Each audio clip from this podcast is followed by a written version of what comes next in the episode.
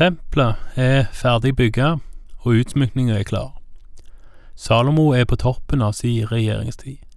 Han er rik, han er mektig, og han har i motsetning til sin far David fått bygge Herrens tempel. Og nå er tida kommet for at Herrens pakkkiste skal ta plass i tempelet. Ikke for at Herren skal bo i tempelet, men for at folket skal ha en plass å møte og tilbe Gud. Tabernakelet, eller møteteltet, blir nå erstatta av tempelet, Salomos tempel. Vi leser ifra første kongebok, kapittel åtte, vers én. Så samlet Salomo Israels eldste og alle stammehøvdingene, overhodene for familiene, hos seg i Jerusalem. De skulle føre Herrens paktkiste opp fra Davidsbyen, det er Sion. Og alle menn i Israel samlet seg hos kong Salomo på festen i måneden Etanim. Det er den sjuende måneden. Da alle Israels eldste var kommet, løftet prestene kisten, og de førte Herrens paktkiste opp sammen med telthelligdommen og alle de hellige kar som var i teltet. Det var prestene og levittene som bar dem. Legg merke til at prestene lufta kista. De lufta paktens ark, og de bærer den på sine skuldre. Da kong David og hans menn skulle føre paktsarken til Jerusalem, så satte de han første gangen de prøvde på ei vogn, mot Guds påbud, noe du kan lese om i andre Samuels kapittel seks. Salomo og hans folk gjør det riktig første gangen, og de bærer Herrens paktkiste. Vi leser videre fra vers fem. Kong Salomo sto foran kisten, sammen med hele Israels menighet som hadde samlet seg hos ham. De ofret småfe og storfe i slike mengder at ingen kunne telle eller regne dem. Så brakte prestene Herrens paktkiste til den plassen den skulle ha, i det innerste tempelrommet, i det aller helligste, under kjerubenes vinger.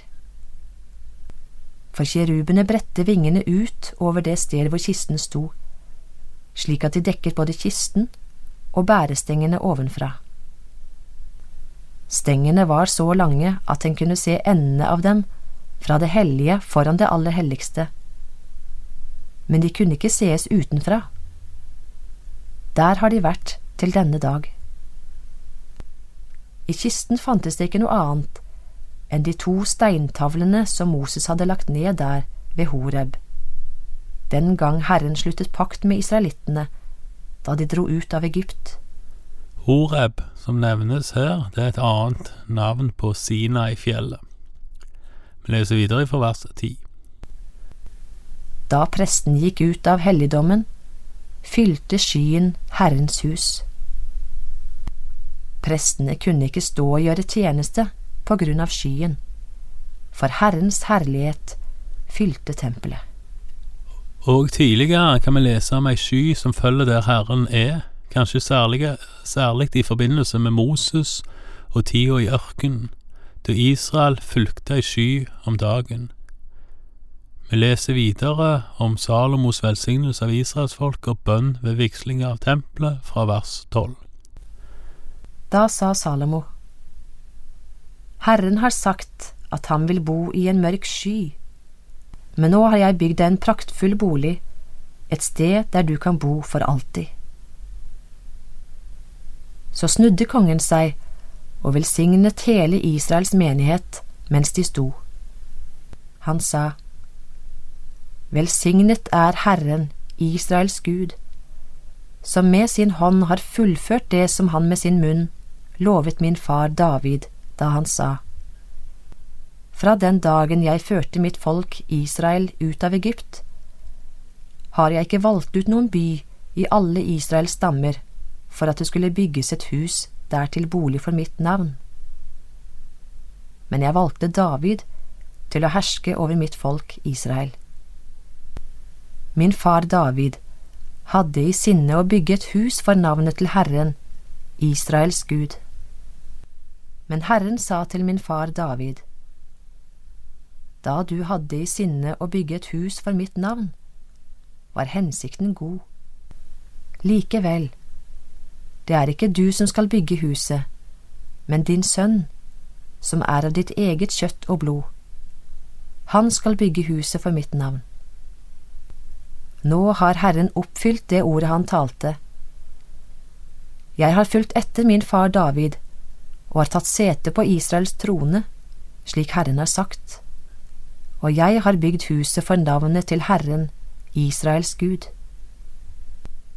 Der har jeg sørget for et sted for paktkisten, som inneholder den pakten som Herren sluttet med våre fedre da han førte dem ut av Egypt. Her oppsummerer kong Salomo ca. 480 år med historie ganske raskt. Ifra paktsinngåelsen på Sinai-fjellet via løftet til David om en hersker på Davids trone til evig tid, et løfte som igjen gitt i Andre Samuels bok kapittel sju. Og på mange måter svaret på dette løftet, tempelet, som da David ikke fikk bygd fordi han hadde blod på hendene, men som Salomo fikk bygd med farens tegninger og materiale som faren begynte å samle inn. For å sette det litt på spissen. Så vender Salomo seg til Herren, og vi leser videre fra vers 22. Så sto Salomo for Herrens alter, midt foran hele Israels menighet.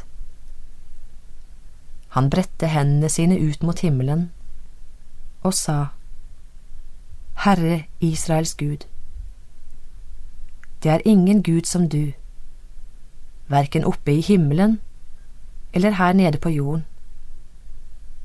Du holder pakten og viser godhet mot dine tjenere når de ferdes helhjertet for ditt ansikt.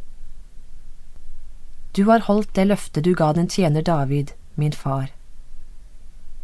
Du har oppfylt med din hånd det som du hadde lovet med din munn, slik vi ser i dag.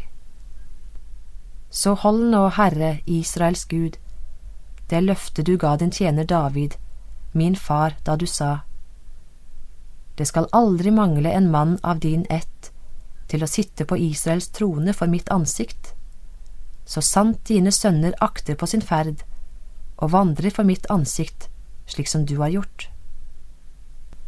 La det nå stå fast, Herre, Israels Gud, det ordet du talte til din tjener David, min far. Legg merke til at Salomo her faktisk tar med betingelsen som Herren knytter til løftet til David, om at en akter sin ferd og vandrer for Herrens ansikt, sånn som David gjorde. Det er sentralt, for det viser at det var mennesket, det var Salomo som feila, ikke Gud som brøyt løftet. Gud er mye større enn mennesket, ja, større enn jorda. Vi leser videre fra vers 27. Men bor Gud virkelig på jorden? Se, himmelen og himlers himmel kan ikke romme deg, langt mindre dette huset som jeg har bygd. Vend deg mot din tjeners bønn og hans rop om nåde, Herre min Gud. Hør det ropet og den bønnen som din tjener bærer fram for deg i dag. La dine øyne våke over dette huset, natt og dag, over det stedet der du har lovet at navnet ditt skal bo. Hør de bønnene som din tjener bærer fram, vendt mot dette stedet. Ja, hør bønnen om nåde som din tjener og ditt folk Israel ber, vendt mot dette stedet.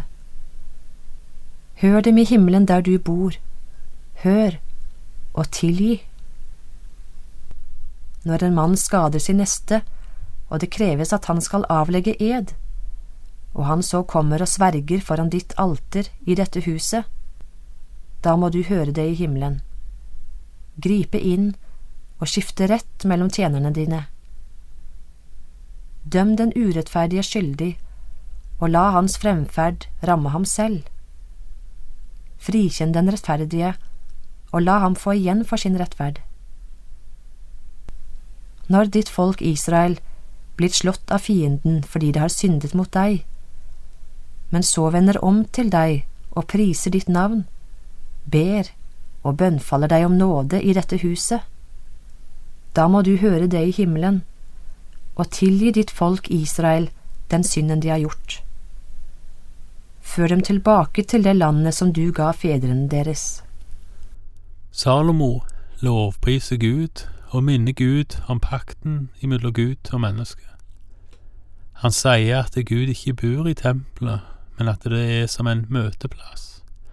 Salomo ber om at tempelet skal være en møteplass imellom Gud og folk, en møteplass som Salomo ber Gud om å våke over dag og natt. Legg òg merke til at det er en plass der israelittene kan komme og få gjort opp seg imellom. Salomo ber om at Gud må dømme foran sitt alter, dømme rettferdig òg mellom mennesker, ikke bare mellom mennesker og Gud. Til slutt så leser vi i vers 33 og 34 om at Salmo ber om at Gud skal høre i himmelen når hans folk vender om etter å ha søkt eller forsøkt å gå sine egne veier. Salomo ber om at tempelet skal være en plass der Guds folk kan få tilgivelse og få vende tilbake til det landet de blei lova. Tempelet skal ha den rollen i noen år. Så blir det revet. Det andre tempelet blir òg revet. Det tredje tempelet, Jesus, blir forsøkt revet, og hjørnesteinen blir vraka, men han bygges opp igjen på tre dager, skal en tro Det nye testamentet. Og her er det knytta et løfte om land. La ikke hjertet bli grepet av angst. Tro på Gud og tro på meg. I min fars hus er det mange rom. Var det ikke slik, hadde jeg da sagt dere at jeg går og vil gjøre i stand et sted for dere. Og når jeg har gått og gjort i stand et sted for dere, vil jeg komme tilbake og ta dere til meg, så dere skal være der jeg er, og dit jeg går, vet dere veien. Takk for i dag, og Herren være med deg.